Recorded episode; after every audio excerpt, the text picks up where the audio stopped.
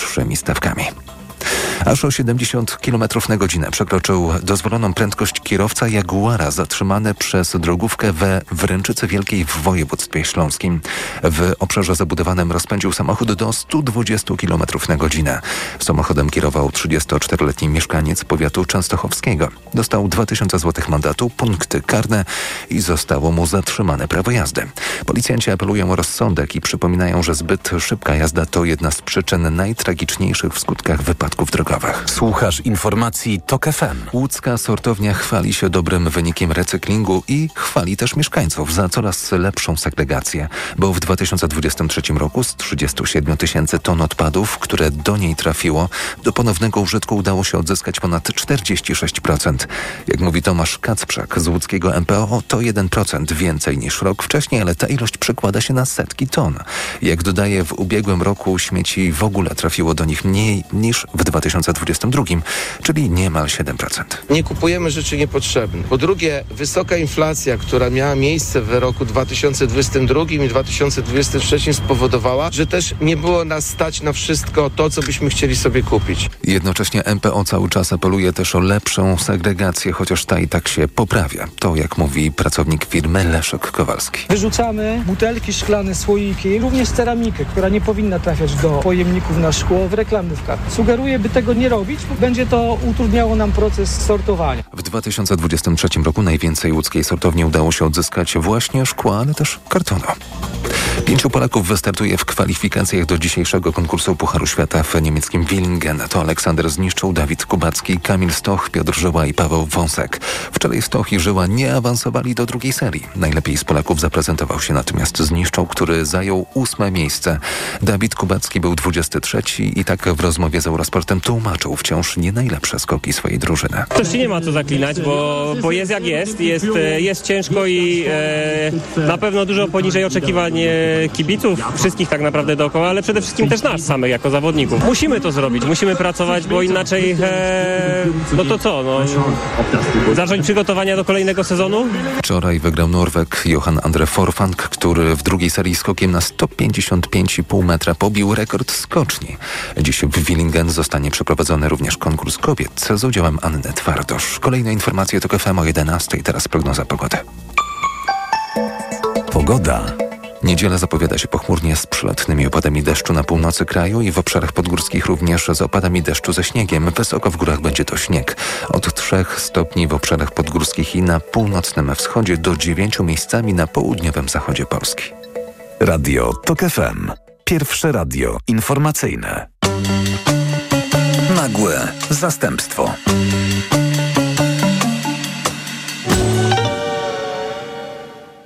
Korupcja polityczna jest jednym z dziedzictw państwa PiS.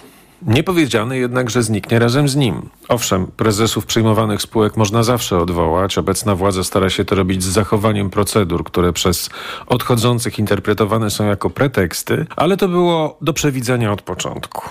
Nie wszędzie jednak wygląda to dobrze. W do znudzenia wałkowanych mediach publicznych mamy te same metody co zawsze. Dawni prezesi i dyrektorzy odchodzą, a na ich miejsce dobiera się nowych, według nieznanego klucza, w drodze niejawnych ustaleń. Przyniesieni w teczkach, nawet jeśli z doświadczeniem, nie wiadomo co komu obiecali, nie wiadomo czemu ci, a nie inni. Nie wiadomo też zazwyczaj, jaki mają pomysł na to, co odziedziczyli, no chyba, że łaskawie udzielą jakiegoś skromnego wywiadziku albo wezmą udział w jakiejś debacie. Wtedy możemy się dowiedzieć czegoś, ale niewiele. Patrzymy na to jednak z pewnym zadowoleniem, że to już ci nasi, nie tamci pisowscy. Nie czujemy oburzenia, które jednak skądinąd byłoby słuszne. W końcu na te media pójdą jak nie dziś, to jutro miliardy z naszych podatków. I to są, mówiąc z nienawidzoną Margaret Thatcher, nasze pieniądze, bo rząd własnych nie ma. Możemy się czarować, że tak przecież trzeba, bo to takie ważne, żeby wyłączyć tę tak zwaną szczujnię. No dobrze, to ważne. Ale i tak oparte na schemacie korupcyjnym, który istniał od dekad. Tak, tak jest. To jest forma korupcji. Nawet y, jeśli jej nie widzimy, nie umiejscawiamy tego działania w tym kontekście, bo korupcja kojarzy się nam z łapówkami i kasą w reklamówce wynoszoną lub przechwytywaną przez zbrojnych pozęby funkcjonariuszy CBA. Korupcja, w której żyjemy od lat, jest dla nas tak oczywista, że niewidzialna I co z tego, że dozwolona prawem? Dalej korupcja. Najgorsze, że nikt nie mówi, że to sytuacja przejściowa że będziemy pracowali nad nowymi regułami gry. Na razie chodzi o to, żeby uzyskać tak zwaną sterowność. No byłoby to jakieś pocieszenie. Nie, nie słyszymy niczego takiego. Chyba w ogóle nikt tak nie myśli.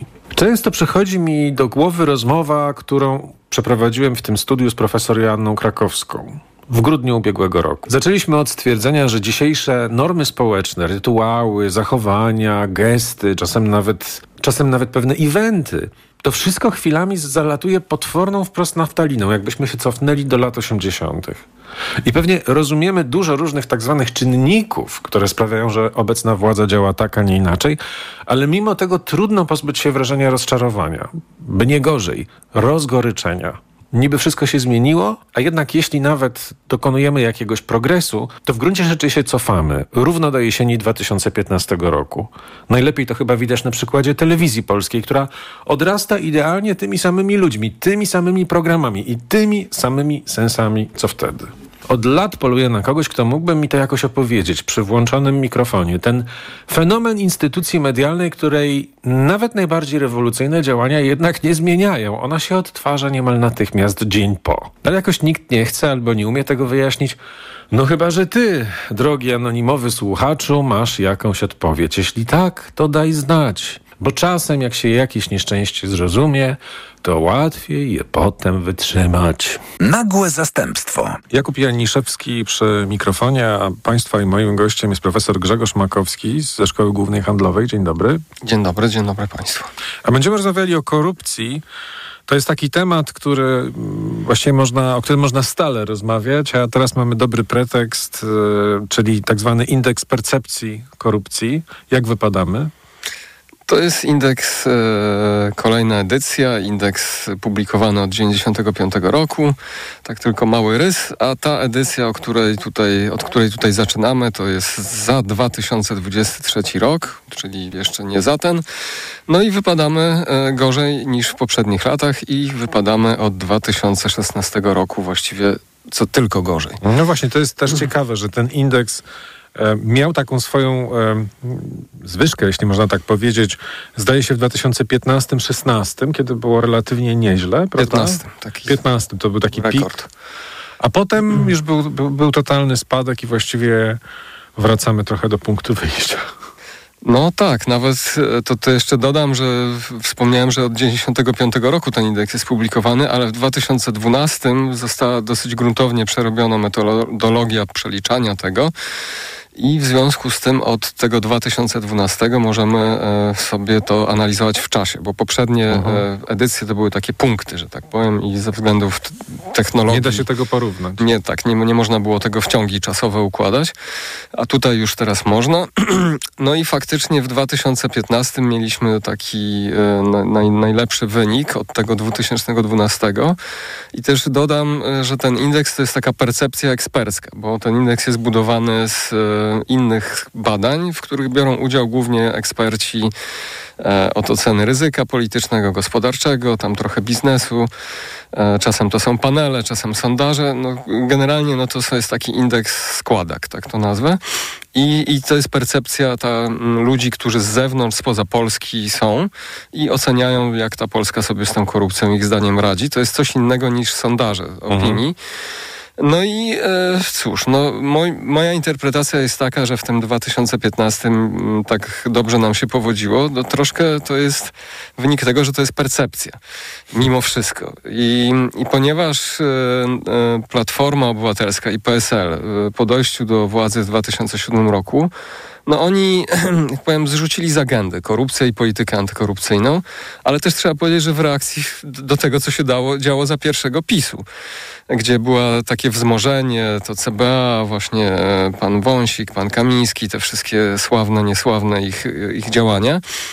E, no więc w 2007 roku postanowiono, że już koniec trochę z tym, więc trochę mniej mówiono o tej korupcji po prostu Bardzo długi czas w ogóle nie było strategii antykorupcyjnej. Ona została właściwie przyjęta w 2014 po takiej bardzo długiej przerwie. Pamiętamy tą słynną kompromitację Donalda Tuska, który mówił o tym, że tarcza antykorupcyjna Tak. działa, a się okazało, że nie ma żadnej tarczy, że to było jakieś takie pustosłowie i w ogóle gadka Jeszcze była pani. Julia Pitera Tak przez jest. chwilę na stanowisku e, pełnomocnika do spraw właśnie tych polityki antykorupcyjnej, no i tak znikła e, też, a później już nie było tego pełnomocnika. No generalnie świadomie em, znikła ta korupcja z agendy, że tak powiem. No to to się przełożyło trochę na percepcję.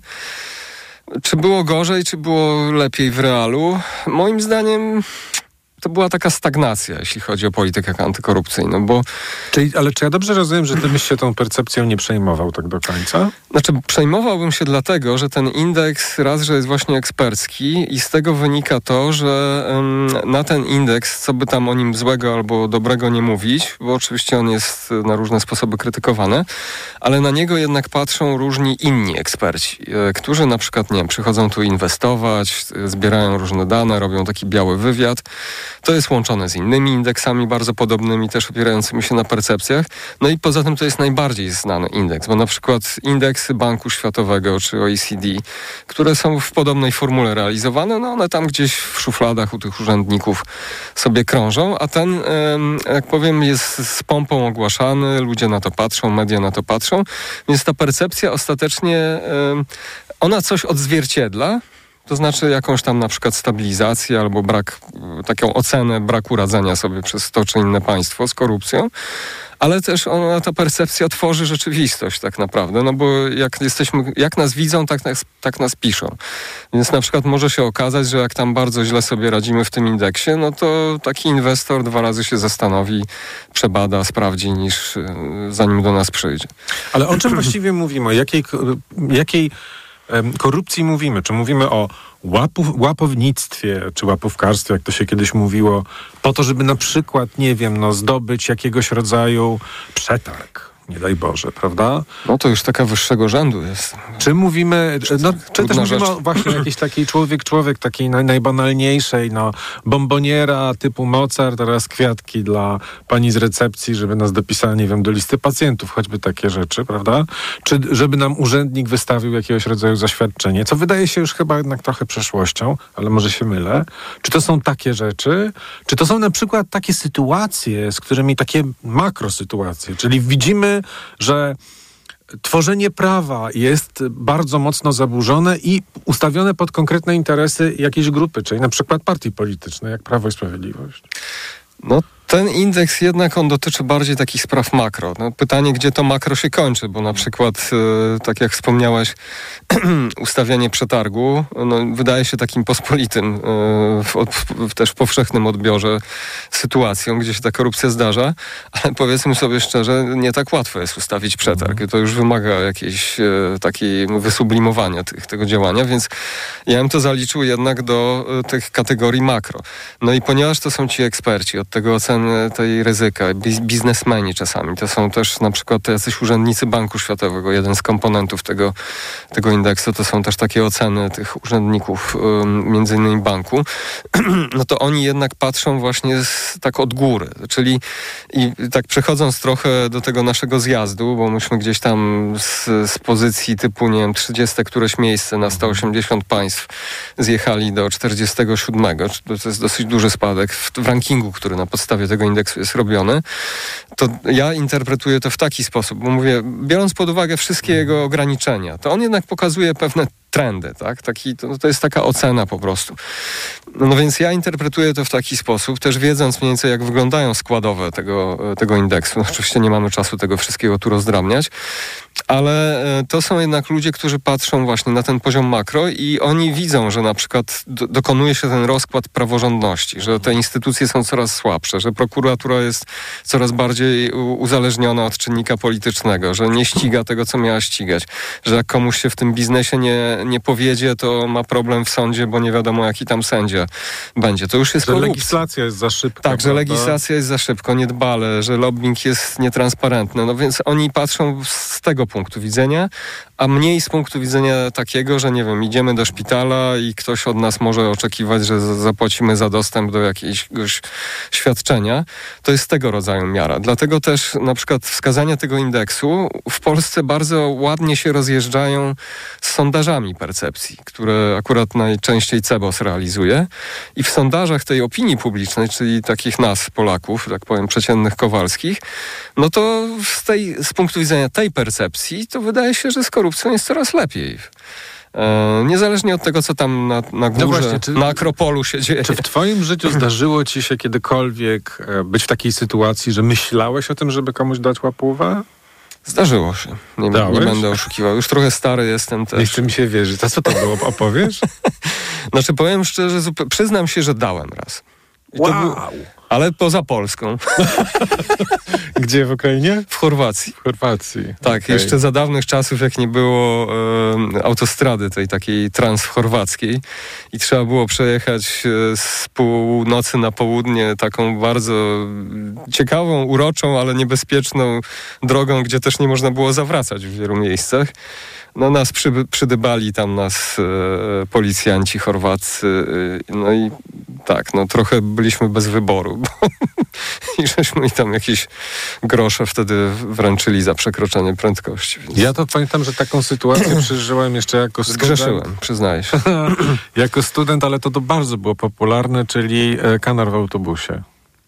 Boże, przekupiłeś kontrolera. Znaczy zażądał po prostu. Powiedział wprost, że mam mu zapłacić tyle, a tyle, to nie dostanę mandatu, to było troszkę mniej niż ten mandat wynosił. No i ja na to poszedłem.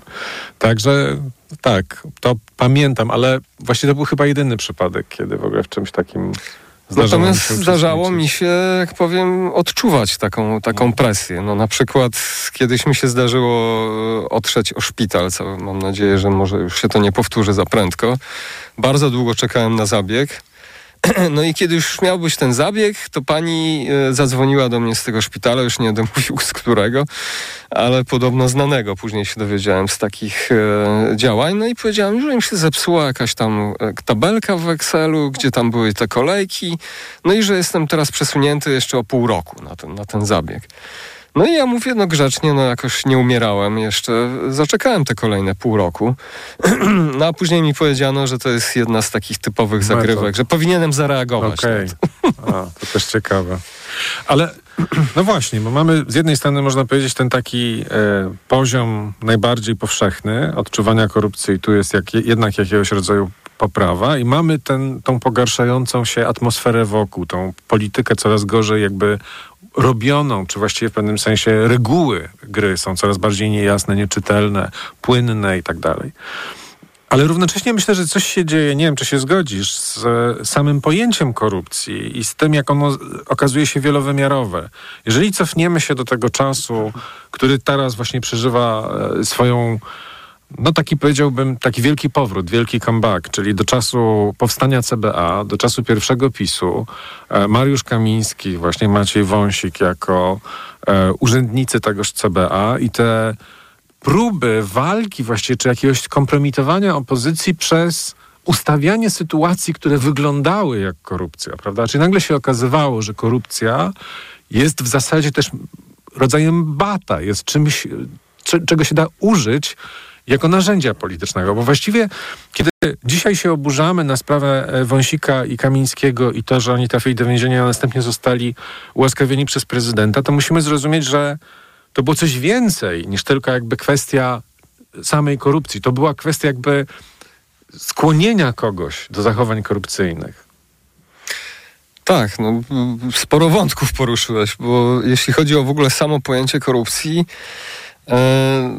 że, że tak może przynudzę jako socjolog, ale to jest dla mnie jedno z takich ulubionych zajęć było swego czasu. Właśnie śledzenie, jak to pojęcie się zmieniało. Też nie tylko w Polsce, ale tak globalnie. Bo to zresztą to, co mamy w Polsce, to jest taki trochę odprysk tego, co się globalnie działo. I już dawno temu no, poświęciłem właściwie temu swój doktorat, gdzie tam sporo, sporo miejsca poświęciłem tej zmianie. I to jest bardzo ciekawe, bo gdzieś jeszcze w latach 80., tam 70., no to właściwie się koncentrowano tylko na korupcji takiej urzędniczej, właśnie łapówka. Łapówka to był taki główny powiem, ten desygnat tego pojęcia korupcji. Nawet e, Polska to jest ciekawy kraj, bo w Polsce od bardzo dawna się bada korupcję w ogóle, też metodami sondażowymi. Nawet za PRL-u badano korupcję. I to są całkiem dobre badania, muszę powiedzieć. Więc na przykład w latach tam 70., 80., gdzie realizowano już sondaże na ten temat, usługiwano się pojęciem łapownictwo. Tam niektórzy, jacyś tacy naprawdę wybitni socjologowie typu Adam Podgórecki czy, czy Stanisław Osowski, którzy gdzieś tam na zachodzie bywali, no to e, wychodzili poza, poza to pojęcie, ale też nie można było tego robić, bo oficjalnie korupcji w PRL-u nie było. E, też e, było, jest wiele takich ciekawych pism z tamtego czasu, gdzie mówiono, że korupcja to jest taka przypadłość systemu kapitalistycznego, a w tym, w tym komunizmie no to w ogóle nie ma prawa coś takiego istnieć. Więc e, na przykład w naszym bloku to prawie się nie mówiło o tej korupcji. Te badania, o których ja wspominam, można sobie znaleźć teraz w Kantarze, w archiwum, który prowadzi archiwum OBOP-u. To one gdzieś tam były chowane po, po kątach przez, przez władzę. Natomiast tak globalnie troszkę wyglądało to podobnie. E, natomiast w momencie mm, przełomu tego rozpadu bloku wschodniego, gdzie trzeba było się trochę zastanowić, jak się ten świat będzie rozwijał i e, jakie problemy napotyka, zaczynało się e, zastanawiać, prawda, nad takimi kwestiami, co przeszkadza w tym zrównoważonemu rozwojowi, że ten blok wschodni trzeba będzie jakoś podnosić i tak dalej, i tak dalej, to trochę odkryto tą korupcję na nowo, tak, tak naprawdę. I wtedy na przykład do gry wszedł ONZ przede wszystkim, który się tym bardzo mocno zajął od lat 90., właściwie nawet od takich lat 80. No i jakby zaczęło dobudowywać różne rzeczy do tej, e, e, do tej korupcji i nagle się okazało, że to już nie jest łapownictwo, że to są też już jakiś, jakiś patronaż, protekcja, e, klientelizm. No, no poja tak, pojawiło się takie pojęcie Banku Światowego State Capture, czyli zawłaszczanie państwa. Więc nagle się okazało, że na przykład w ogóle korupcja, chociaż to było poniekąd wiadomo też, na przykład z doświadczenia krajów e, bloku wschodniego, że korupcja może być legalna nawet. Po prostu w komunie no, tworzono instytucje w taki sposób, żeby promować aparat e, partyjny, nomenklaturę po prostu. E, I żeby ta nomenklatura się uwłaszczała, więc to, to nie było coś, co nie istniało, tylko zaczęło być nazywane w latach 90., że coś takiego jest. No i doszliśmy gdzieś tam między innymi dzięki głównie zaangażowaniu ONZ-u w latach 90. do konwencji ONZ przeciwko korupcji, która ciągle jest moim zdaniem takim, taką kulminacją tej zmiany e, pojęcia korupcji w coś naprawdę przekrojowego, bo jak sobie zajrzymy do tej konwencji, to tam mamy taki katalog zachowań korupcyjnych i on jest niesamowicie bogaty. Na przykład pranie pieniędzy, które kiedyś było traktowane jako w ogóle coś odrębnego, w tej e, konwencji zostało potraktowane jako forma korupcji, więc mamy, jak powiem, na poziomie prawnym i takim, powiedział, politycznym bardzo rozwiniętą tą, tą definicję. Na poziomie takiego przeciętnego Kowalskiego, to ja pamiętam, że jak się zaczynał program przeciw korupcji Fundacji Batorego w 2000, w 2000 roku, w, 2000, w roku 2000, 2000, 2000, możemy tak powiedzieć. Tak, no powiedzmy. No to pamiętam, że Grażyna Kopińska wtedy uruchamiała ten program, rozwijała. To w to pierwszym naszym zadaniem, jakąś diagnozą, jaką żeśmy postawili, że u nas panuje niezrozumienie korupcji. Więc żeśmy dużo pieniędzy i fundacja i inne fundacje, które wspierały ten program, między innymi Fundacja Fordów i tak dalej, no tam było bardzo wielu donorów na to, na to się składało. Oni, y, dużo żeśmy inwestowali w badania i w akcje takie uświadamiające, że to nie jest tylko łapówka, że to nie jest y, tylko, nie wiem, z urzędnikiem, że to jest też i z lekarzem. Trudno dzisiaj sobie to wyobrazić, ale naprawdę, jeszcze pamiętam w tym 2000 y, roku, to właściwie tak wielu ludzi to jakoś nie nie grzało. Mm-hmm. to jest coś, w czym się żyło. No po prostu mm-hmm. czasami trzeba iść szybciej dowód zostać, dostać albo meldunek. To w tym urzędzie gminy, prawda, żeby to przyspieszyć, koniaczek zanosiło tak. i tak dalej. Bombonierą Bombonierę i tak. No dzisiaj tego prawie nie ma. No ja nie mówię, że tego w ogóle nie ma, ale no właściwie dowód osobisty możemy sobie przez ePUAP załatwić. W ogóle nawet urzędnika nie, możemy nie spotkać nawet. Wiele takich rzeczy codziennych naszych kontaktów z urzędami czy z instytucjami publicznymi, no jest już bardzo przejrzystych, takich transparentnych. No tam trudno w ogóle kogokolwiek przekupić. Ja nie mówię, że to się nie zdarza w ogóle, ale fakt, że my w odbiorze e, społecznym i to w badaniach właśnie tych sondażach nawet jak spojrzymy na deklaracje takie dotyczące, mm, e, czy ktoś w ostatnich 4-5 latach e, wręczył komuś łapówkę, to jest takie standardowe pytanie, które w sondażach Cebosu się powtarza od wielu, wielu lat. To gdzieś tam w, 2000, w roku 2000 no to było gdzieś w okolicach chyba 20%, gdzie ludzie byli skłonni się przyznać do tego. Po 10 latach, gdzieś tam 2010 rok, to już było 9%, coś, a ostatnie lata to jest tak 6%. I oczywiście, że to jest niedoszacowane, ale sam trend pokazuje, że po prostu to się zdarza rzadziej. E, ludzie nie tylko nie są skłonni się do tego przyznawać, ale po prostu biorąc na to poprawkę, to po prostu jest rzadsze, rzadsze zjawisko, rzadziej dotykające naszych powiem, na, na naszego przeciętnego życia. I jeszcze tylko jedną rzecz dodam. Moim zdaniem ochrona zdrowia jest e, ciekawym przykładem, ponieważ właśnie jak myśmy uruchamiali ten program przeciw korupcji, to właśnie ochrona zdrowia była jednym z takich palących tematów. Zresztą CBA Wąsika i Kamińskiego zaczęło od lekarzy. No pamiętamy sprawę doktora Garlickiego, te wszystkie wielkie zarzuty, kilkadziesiąt zarzutów tak. i tak dalej, że zamordował, no po prostu Bóg wie co. Ten lekarz już nikogo nie zabije. Mówi Ostatecznie dobro. się skończyło na tym, że on dostał jakiś wyrok w zawieszeniu, bo za jakieś tam naprawdę drobne, drobną korupcję, tak no, więc w kontekście tej machiny, którą wobec niego uruchomiono, no to było po prostu groteskowe ten ostateczny e, dowód, to co oni dowieźli po prostu. Natomiast e, nawet w ochronie zdrowia, i mam świeże badania, więc może będzie jakaś jeszcze chwila, żeby o tym wspomnieć, tego jest mniej, ale tego jest mniej dlatego, że po prostu na ochronie zdrowia widać to jak na dłoni, że po prostu jednym z czynników, który nas trochę uwolnił od tej codziennej korupcji, jest wzrost jednak zamożności. Nas stać już teraz sobie kupić różne podstawowe świadczenia zdrowotne na rynku po prostu. Mhm. Więc y, nie ma aż takiej pre presji.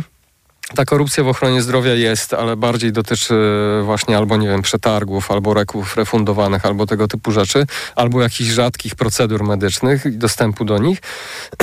Natomiast z czysto takich obiektywnych powodów, między innymi tego, że nas stać trochę już na prywatną ochronę zdrowia, no to dużo tej korupcji ulotniło się. Ale to jest bardzo ciekawe, co mówisz, że z jednej strony w tym 2000 roku wy startujecie z programem który ma właściwie uświadomić ludziom, na czym polega korupcja, tak jak złożone to jest zjawisko, prawda? Jak, jak próbujemy je definiować i jak ta nowa definicja powinna być stosowana do różnych sytuacji, a z drugiej strony zaledwie parę lat później powstaje instytucja, no, która właśnie przeprowadza takie operacje jakby takiego korumpowania na starym modelu, czyli proszę, e, reklamówka z, wy, wyłożona banknotami, łapiemy panią na gorącym uczynku, mówię o przypadku Sawickiej, prawda? No bo to jest taki okres przejściowy właśnie, że jeszcze jest ta stara komunistyczna, siermiężna korupcja, właśnie te łapóweczki, koniaczki, torebki z gotóweczką i tak dalej, i tak dalej.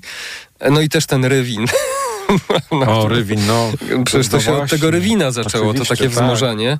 Ale oprócz Lub tego, słynne. Tak, ale też trzeba pamiętać, że też i nasz program, e, ja nie mówię, że myśmy jakimś tam, nie wiem, byli agenturą, prawda, Banku Światowego, ale trzeba sobie powiedzieć, że prawdopodobnie nasz program, któryśmy wtedy tworzyli, no nie miałby takiego powodzenia, gdyby nie ta globalna krucjata, która się rozpoczęła kilka lat wcześniej, do, w którą się zaangażował ONZ, Bank Światowy, Unia Europejska. Naprawdę mnóstwo międzynarodowych organizacji się rozpędziło. Przecież 90 piąty rok to, tak jak wspomniałem, uruchomienie indeksu percepcji korupcji, ale kilka lat wcześniej dosłownie, chyba dwa, trzy, o ile pamiętam, w ogóle Transparency International się zaczęło. I ono się zaczęło od buntu urzędników, bo to jest organizacja założona przez byłych urzędników, między innymi, ale Peter Eigen, no to główna postać tego ruchu, były urzędnik Banku Światowego, whistleblower tak naprawdę, który, czyli sygnalista, który się sprzeciwiał temu, że Bank Światowy zamyka oczy na korupcję.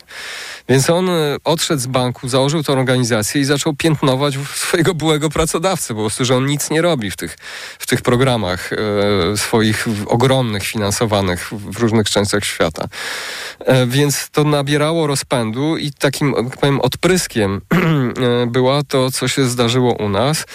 I to wzmożenie zainteresowania, czym jest korupcja i to, że fakt, że my mogliśmy wystartować i, i, i tak powiem skutecznie działać moim zdaniem, bo, bo żeśmy, uważam, żeśmy sporo rzeczy osadzili w świadomości mhm. społecznej i ta, co prawda ciągle Polacy myślą w tych kategoriach, że korupcja to przestępstwo, ale jednak już trochę też i więcej tych przestępstw rozpoznajemy. Potrafimy je nazwać. To już nie jest tylko ta łapówka, gdzie tam właśnie w 2000 roku to było właściwie jedyne, co się kojarzyło z korupcją. Ale czy to jest tak, że... Mm, bo to, co jest fascynujące, to to, w jaki sposób korupcja stała się zarzutem wykorzystywanym w walce politycznej. A, no... Prawda? To, to jest interesujący wątek też. Tak, i, i to zaczęło być. E, no tak, bo w SLD w ogóle w tym jest ciekawy paradoks, bo e, to się też zbiegło z naszą akcesją do Unii Europejskiej. To tylko wspomnę o tym, więc e, E, myśmy, a Komisja Europejska w tym czasie bardzo nas e, lubiła piętnować za korupcję. Myśmy mało co nie weszli w ogóle e, do Unii Europejskiej, między innymi przez korupcję. Byliśmy najgorzej ocenianym państwem z tamtej pierwszej rundy, tury, jeśli chodzi ze względu właśnie na korupcję. I trafiło to na okres rządów SLD, PSL-u, który po prostu chciał czy nie chciał, musiał wiele takich standardów europejskich zaaplikować. Więc jeśli miałbym komuś e, jakiś rząd w ostatnich, nie wiem, po 99 roku wskazać, który najwięcej w sensie polityki antykorupcyjnej zrobił, to to był paradoksalnie rząd PO-PSL, który upadł sam pod aferą Ruwina, która była no, korupcją. SLD, SLD. SLD, przepraszam, SLD. Um, więc no i stąd u nas e, zakwitł taki pomysł, który PiS wykorzystał.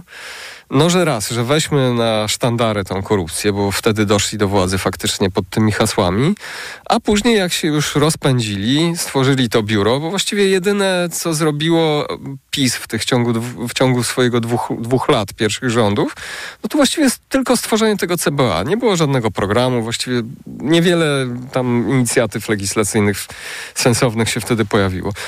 Pojawiło się to SLD, e, przepraszam, pojawiło się to CBA, bardzo wygodnej formule, służby specjalnej, ogromnych kompetencjach. no i myślę, że bardzo szybko się pojawiła pokusa, że no, nie będziemy tylko, prawda, tej badać tej korupcji. Będziemy ją też tworzyć tak, i kompromitować ludzi. Bo korupcja zawsze ma czynnik polityczny. To jest zawsze zjawisko polityczne. Jest idealne do, do używania tego przeciwko opozycji w walce politycznej. Śmieszna rzecz w tym wszystkim e, jest taka, że mm, to CBA było stworzone i oni do tej pory powtarzają, że to właśnie przeciwko tej korupcji w, w elitach i tak dalej, i tak dalej. Natomiast no, powiedzmy sobie szczerze, no, ilu możemy, nie wiem, premierów, e, ministrów, czy nawet posłów wyłapać przez takie biuro? No naprawdę, no, mamy 400, e, tam 60 osób, prawda, w Sejmie. e, iluś tam, nie wiem, powiedzmy nawet 100 posłów. E, na, w skali, tak powiem, statystycznej, nawet kryminalnej e, skali przestępczości korupcyjnej, to nawet nie jest ułamek promila po prostu. Więc tworzenie czegoś takiego i ogłaszanie, że to jest po to, żeby z tymi najcięższymi sprawami korupcyjnymi walczyć, no musiało się skończyć ośmieszeniem, bo nawet zakładając, że oni wszyscy byliby skorumpowani, to byśmy skończyli robotę po dwóch latach tego biura. Tak. Ale czy to nie jest tak, że pewnym sensie to było takie powielenie modelu, który już być może był praktykowany w takich krajach słabszych instytucjonalnie, właśnie strukturalnie słabszych, gdzie można było tą e, e, opozycję przedstawić jako, no właśnie tych skorumpowanych polityków, my ich zaraz wszystkich powsadzamy do więzień. Czy to nie był pewien model, który już stosowano na świecie. Tak, oczywiście i to stosowano po sąsiedzku, bo na przykład Białoruś jest takim y, przykładem. Przecież Łukaszenko doszedł do władzy y, oskarżając, no słusznie poniekąd, swoich poprzedników o korupcję, a tak twórczo to rozwinął, że tak naprawdę stworzył neokomunistyczne państwo, no, które jest E, taką ciekawym przypadkiem, ponieważ tam w dużym stopniu też ograniczono tą taką uliczną korupcję, tą taką petty corruption. Tam, tam... Ale rozumiem, że na tym modelu korupcyjnym, no to właściwie całe państwo już jest skorumpowane. Tak, ale w, jak się spojrzy tam od, nie wiem, e, od urzędnika ichniejszej gminy w cudzysłowie w górę, no to to już jest systemowa korupcja. Tak. Po prostu tam nie, no nie dochodzi do zmiany władzy, jest to kompletnie nieprzejrzyste, wszystko jest skupione w elitach, które zawłaszcza wszystko.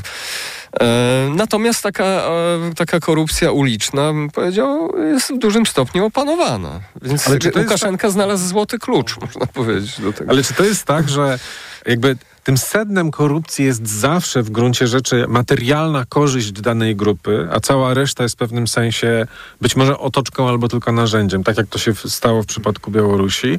Czy, czy w naszym myśleniu o korupcji zawsze powinniśmy myśleć o korzyściach materialnych, czy nie? Jak ty to, sądzi- jak ty o tym myślisz? No, na koniec to zawsze się sprowadza do korzyści albo braku korzyści materialnych.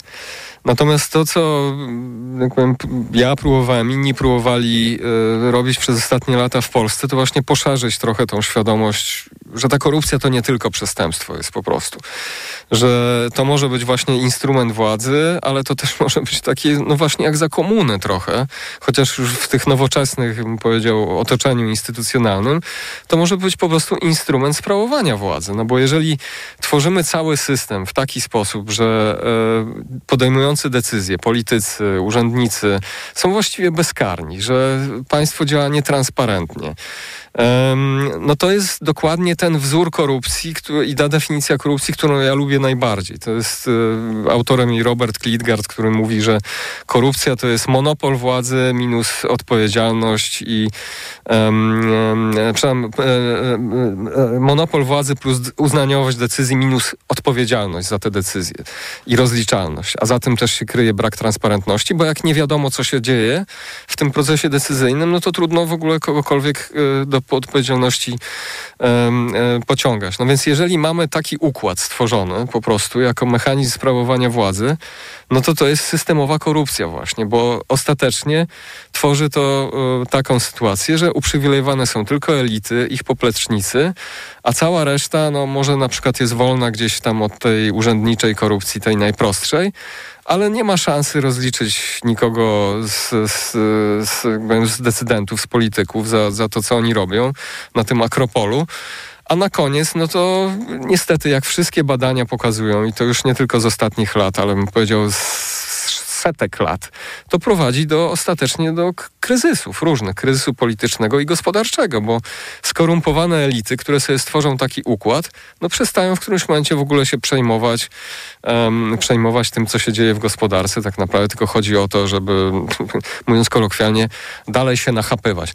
No jedynym wyjątkiem, bym powiedział, na tym, w tym takim e, pejzażu, no to jest Singapur.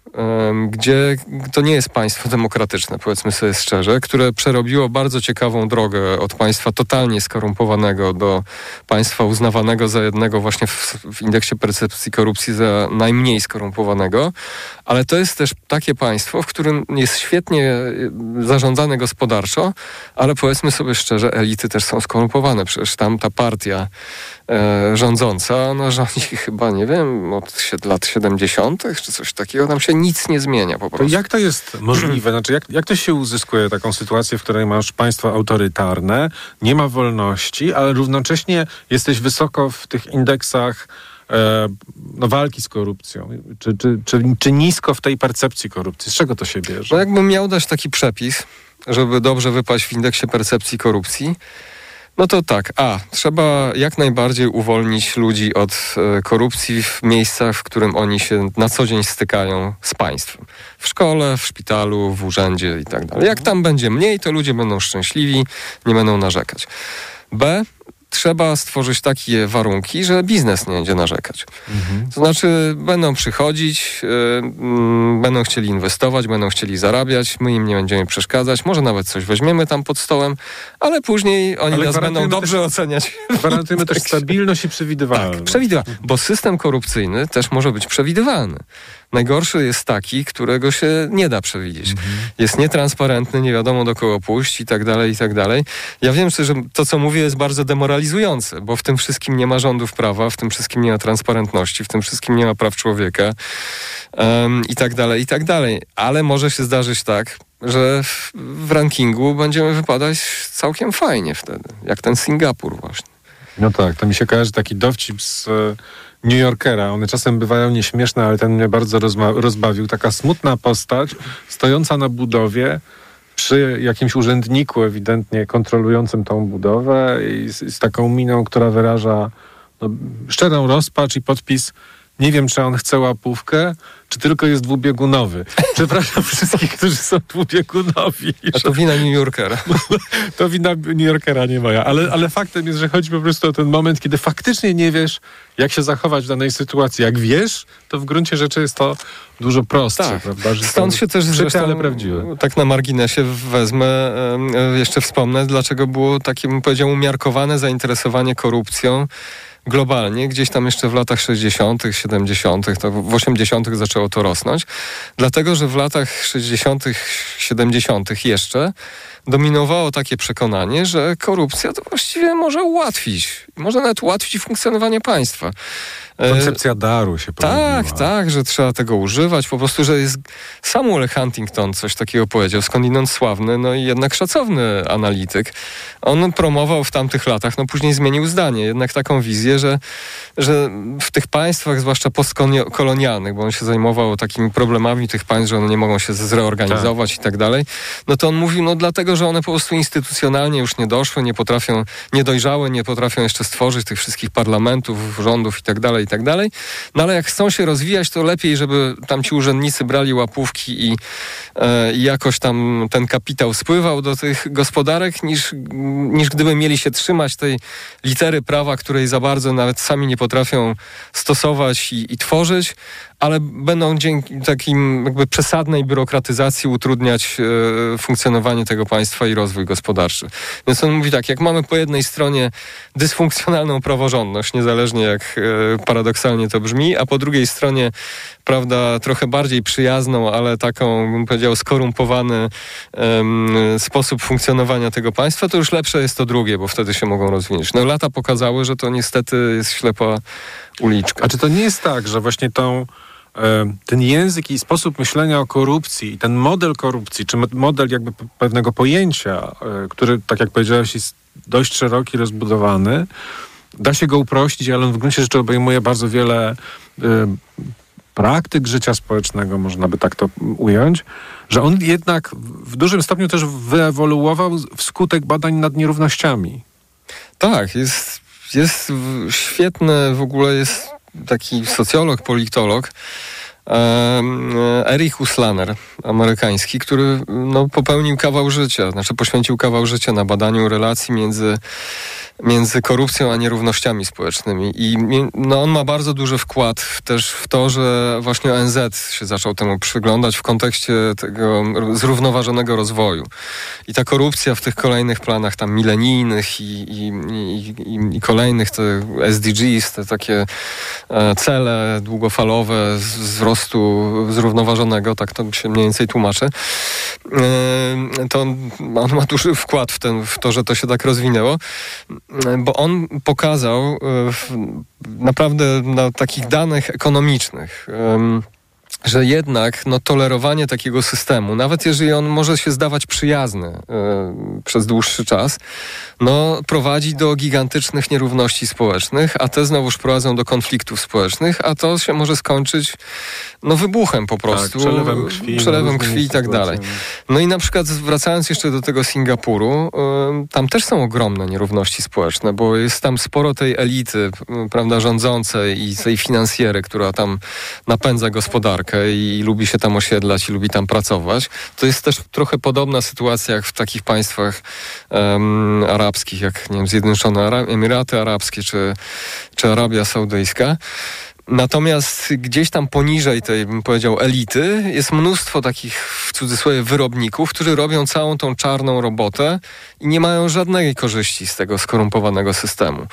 Więc w wielu miejscach da, jest to zarządzalne, ale może przyjść taki moment, że tego się nie da zarządzić po prostu. Singapur, czy nie wiem, czy kraje arabskie są powiedzmy małymi populacjami, więc tam łatwo jest e, opanować tego rodzaju nierówności. Chiny trochę stworzyły podobny system tak naprawdę, tak, takiej tolerancji dla korupcji, jednocześnie pewnej namiastki wolności, ale tam jeżeli e, to, tam podejrzewam, że może się to nie utrzymać wytrzymać jeszcze e, z, z, za długo. Jeżeli tamtejsza władza jakoś e, nie przyłoży się bardziej do do ograniczenia um, korupcji. Tam zresztą to jest bardzo ciekawa też sytuacja, ponieważ Chiny wbrew pozorom są zdecentralizowane, więc tam bardzo często mimo że to jest system taki kapitalistyczno-komunistyczny, ale na przykład lokalne elity potrafią się zbuntować przeciwko tej nomenklaturze partyjnej stopu i wymusić zmianę po prostu. Więc tam znowuż ten efekt skali troszkę idzie w drugą stronę ale no, obstawiam, że, że, że to może być kłopot właśnie tych rosnących nierówności i zwróćmy uwagę na Stany Zjednoczone, no, które są krajem o największym jednym z największych w ogóle poziomów nierówności na świecie. I moim zdaniem no, Trump e, został, e, wypromował się na tym po prostu. To jest też swego rodzaju paradoks, no bo to jest facet, który, za którym się ciągną no, od lat sprawy korupcyjne, który wiadomo jak rządził w swojej kadencji, ale ponieważ bardzo dobrze potrafi rozgrywać e, niezadowolenie społeczne i też kwestie korupcji i taki polaryzację e, tamtejszego społeczeństwa, która e, między innymi sprowadza się też do tego, że no, demokraci są oskarżani o totalną tak. korupcję i tak dalej, i tak dalej. Więc on bardzo umiejętnie się potrafi osadzić w takiej roli kogoś, kto, prawda, jest może nieświęty, ale na pewno nie tak skorumpowani jak ci straszni demokraci i w ogóle jak przyjdzie do władzy, to przywróci ten amerykański sens, redukuje nierówności i w ogóle Czy będzie to nie szczęście. jest tak, że w ogóle w Stanach Zjednoczonych mamy takie do czynienia właściwie z takimi dyskusjami takimi proxy wars, które właściwie do, do, obchodzą naokoło ten temat właśnie korupcji i nierówności, wprowadzając tematy poniekąd, no nie chcę je nazywać tak totalnie zastępczymi, bo często w ten sposób się unieważnia pewne praktyki czy zachowania, ale chodzi mi na przykład, nie wiem, o Weinsteina, o Epsteina, te takie wielkie tematy obyczajowe, które mają w tle właśnie to, że nie wiem, seks za awans, prawda? Społeczny czy artystyczny, e, czy jak, jak, jakaś forma jakby nadużycia, będąca też po, powiązana, z, w jakimś sensie powiązana z pozycją społeczną, z tą, właśnie z tymi nierównościami. Znaczy ja mam wrażenie, że na przykład te sprawy, o których wspomniałeś, one może nie tyle są e, animowane czy, czy, czy, fabrykowane. To, tego nie są. Nie, fabrykowane nie, ale w pewnym sensie działają trochę jak taka um, ja przesłona. Myślę, ja myślę, że politycy po prostu, a w Stanach oni są bardzo profesjonalni, jeśli chodzi o wyłapywanie takich sytuacji, te, o te spiny. Więc jak oni widzą tego rodzaju zdarzenia, właśnie jak Weinstein albo ruch, nie wiem, MeToo i tak dalej, to potrafią tak, jak powiem, to wykorzystać, żeby, żeby powiem, przykryć debatę publiczną na tematy, które być może są mm. ważniejsze. Nic nie ujmując tym tematom, które oczywiście tak. są straszne i, tak. i, i, słusznie, że były podnoszone. Ale ponieważ się zdarzyły na przykład w jakimś tam momencie tego życia politycznego szczególnym, i znaleźli się politycy, który, którzy je potrafili wykorzystać w celu zbudowania swojej pozycji, no to to zrobili. Natomiast jest jakaś część spraw, która oczywiście była wykorzystywana i, jak powiem, kreowana. No, pierwsza kampania i ta walka Trumpa e, z, e, z panią Clinton, e, gdzie korupcja była podnoszona przez Trumpa, że on przyjdzie, wyczyści to bagno i po tych demokratach strasznych i tak dalej. I, pokazywała między innymi właśnie Clintonów jako tych najbardziej skorumpowanych, nawet jeszcze bardziej niż, niż Obama. No to tam wiele takich przekazów było kreowanych przez, przez Trumpa bardzo świadomie, jako właśnie po to, żeby pokazać, że on tu przyjdzie, oczyści i rozwiąże problem korupcji w Stanach. No a co się okazało, no to wiemy, że, że nie był lepszy niż, niż to, co mówił o swoich, mm, o swoich przeciwnikach. To przenieśmy na moment, na koniec tą naszą dyskusję na to, co teraz mamy tutaj w Polsce. Czyli z jednej strony ten indeks nam idzie w górę, czyli jest coraz gorzej, coraz bardziej pasujemy do modelu państwa. Miejsce w rankingu idziemy w górę w miejscach, jeśli chodzi, czyli jest nie, gorzej, chodzi, a indeks nam spada. Aha, bo ja już w końcu nie wiem, czy on ma spada, czy rośnie. W każdym razie chodzi o to, że e, jesteśmy na coraz niższej tak. pozycji, coraz bardziej ta korupcja jest widoczna e, i zauważalna i ten model zaczyna coraz bardziej wyglądać na taki model państwa skorumpowanego. No i następuje zmiana władzy. I teraz czy ty widzisz, że ta zmiana władzy dokonuje się w taki sposób, że możemy powiedzieć, że już to jest jakaś forma walki z korupcją, czy jeszcze nam do tego daleko? Czy może nawet jest to pogłębienie? No jesteśmy w trudnym momencie, tak powiem, ponieważ e, no, przez 8 lat PiS bardzo rozwinął właśnie tą systemową korupcję. Między innymi dlatego, że powyłączał wiele instytucji, wypaczył je, pozbawił tak naprawdę jakiejś treści e, i takiego znaczenia antykorupcyjnego, jak na przykład prokuratura. E, a jednocześnie na ostatniej prostej, no ta prokuratura jest bardzo wdzięcznym e, właśnie przykładem, no jeszcze stworzył taki przepis, który no, jest kompletnie absurdalny. E, to znaczy brak możliwości odwołania tego prokuratora krajowego bez zgody prezydenta. No naprawdę, no wbrew temu, co oni opowiadają, moment przyjęcia tego rozwiązania, no nie wiem, gdyby to miało jakikolwiek sens, to powinni to przyjąć, nie wiem, dwa lata wcześniej, czy trzy lata wcześniej, przetestować to, czy to ma... No nie, no to zostało przyjęte tylko po to, żeby sobie jakoś tam jeszcze zabezpieczyć swoje wpływy po ewentualnych przegranych wyborach, które myślę, że oni już widzieli, że, że może tam wygrają w sensie głosów, ale, ale nie ulepią tego rządu. Więc to było ewidentnie zrobione po to. No i teraz jak mamy taką sytuację, która jest taką quasi-legalną sytuacją, bo są prawnicy, ja chyba bym się skłonił do ich opinii, że tak naprawdę to jest niekonstytucyjne, no bo jak można wydrążyć e, e, instytucję prokuratora generalnego w taki sposób, że on nie ma wpływu na swojego tak naprawdę bezpośredniego e, pracownika, którym jest prokurator krajowy, że on musi tak naprawdę odwrócenie kota ogonem, no, pytać go o różne rzeczy, które, które on powinien, o których on powinien decydować. No i, no ale stworzono taką, taki pozór legalności, ja bym to nazwał w ten sposób. No i teraz ta prokuratora oczywiście nie mogłaby być efektywna, no bo cokolwiek by ten prokurator generalny nie zaczął w sensie walki z korupcją, z przestępczością korupcyjną, co dotyczyłoby poprzedniego obozu władzy, to to na bank byłoby sabotowane, spowalniane, zamiatane i tak dalej, i tak. No to prokurator generalny Adam Bodnar po prostu moim zdaniem był w kropce. Nie tylko w sensie takim ustrojowym, ale mówimy tutaj o korupcji. No więc jeżeli prokuratura jest podstawowym narzędziem, instytucją walki z korupcją, no to trzeba jakoś udrożnić ten system. No po prostu inaczej nie da rady. No i znalazł takie środki, jakie miał do dyspozycji, wiedząc, że nie może tego zmienić e, ustawowo, bo prezydent Duda jest stąd, skąd jest i na bank by to zablokował. No i w sensie bym powiedział tak, no takiej perspektywy długofalowej walki z przestępczością korupcyjną, to uważam, że to udrożnienie tego systemu jest dobrym ruchem, no bo inaczej to byśmy się nie posunęli dalej po prostu.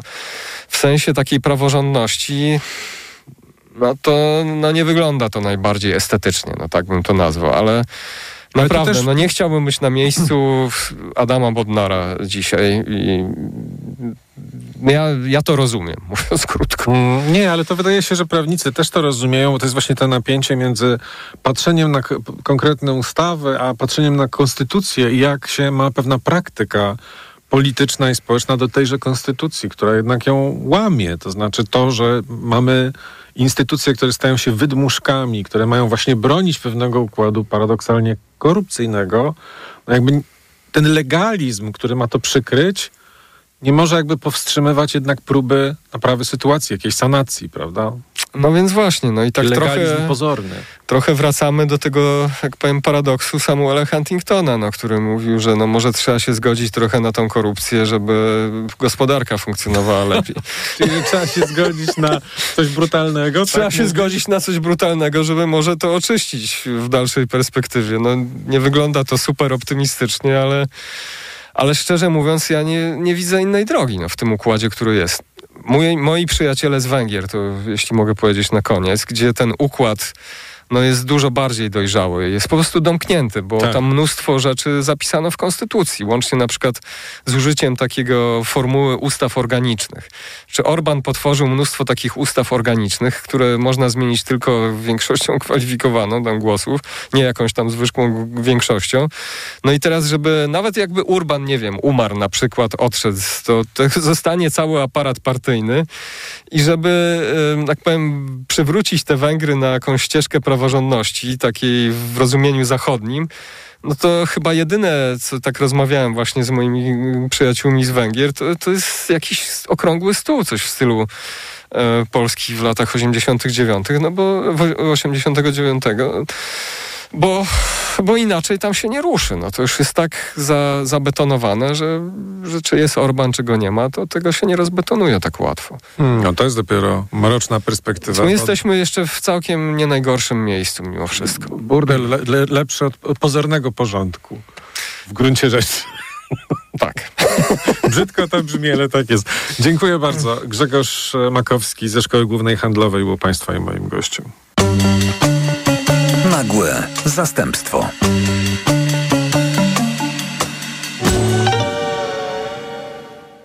Radio TOK FM. Pierwsze radio informacyjne. Autopromocja. Nie ma ludzi idealnych i nie ma idealnych związków, ale zawsze można znaleźć rozwiązanie. Tych najlepszych szukam razem z ekspertami, psychologami, terapeutami. Rozmawiamy o problemach i dylematach w związkach i relacjach, o których słuchaczki i słuchacze piszą do mnie w listach miłosnych. Listy miłosne. Tylko w TOK FM Premium. Zaprasza Dorota Wardecka. Posłuchaj na tokefm.pl ukośnik listy lub w aplikacji mobilnej TOK FM. Autopromocja. Reklama. RTV Euro AGD. Czas na czyszczenie magazynów. Przeceny na tysiące produktów. OLED 55 cali. LG. Najniższa cena z ostatnich 30 dni przed obniżką to 5499. Teraz za 4999 zł. I aż 30 rat 0% na cały asortyment. Z wyłączeniem produktów Apple. I do czerwca nie płacisz. RRSO 0%.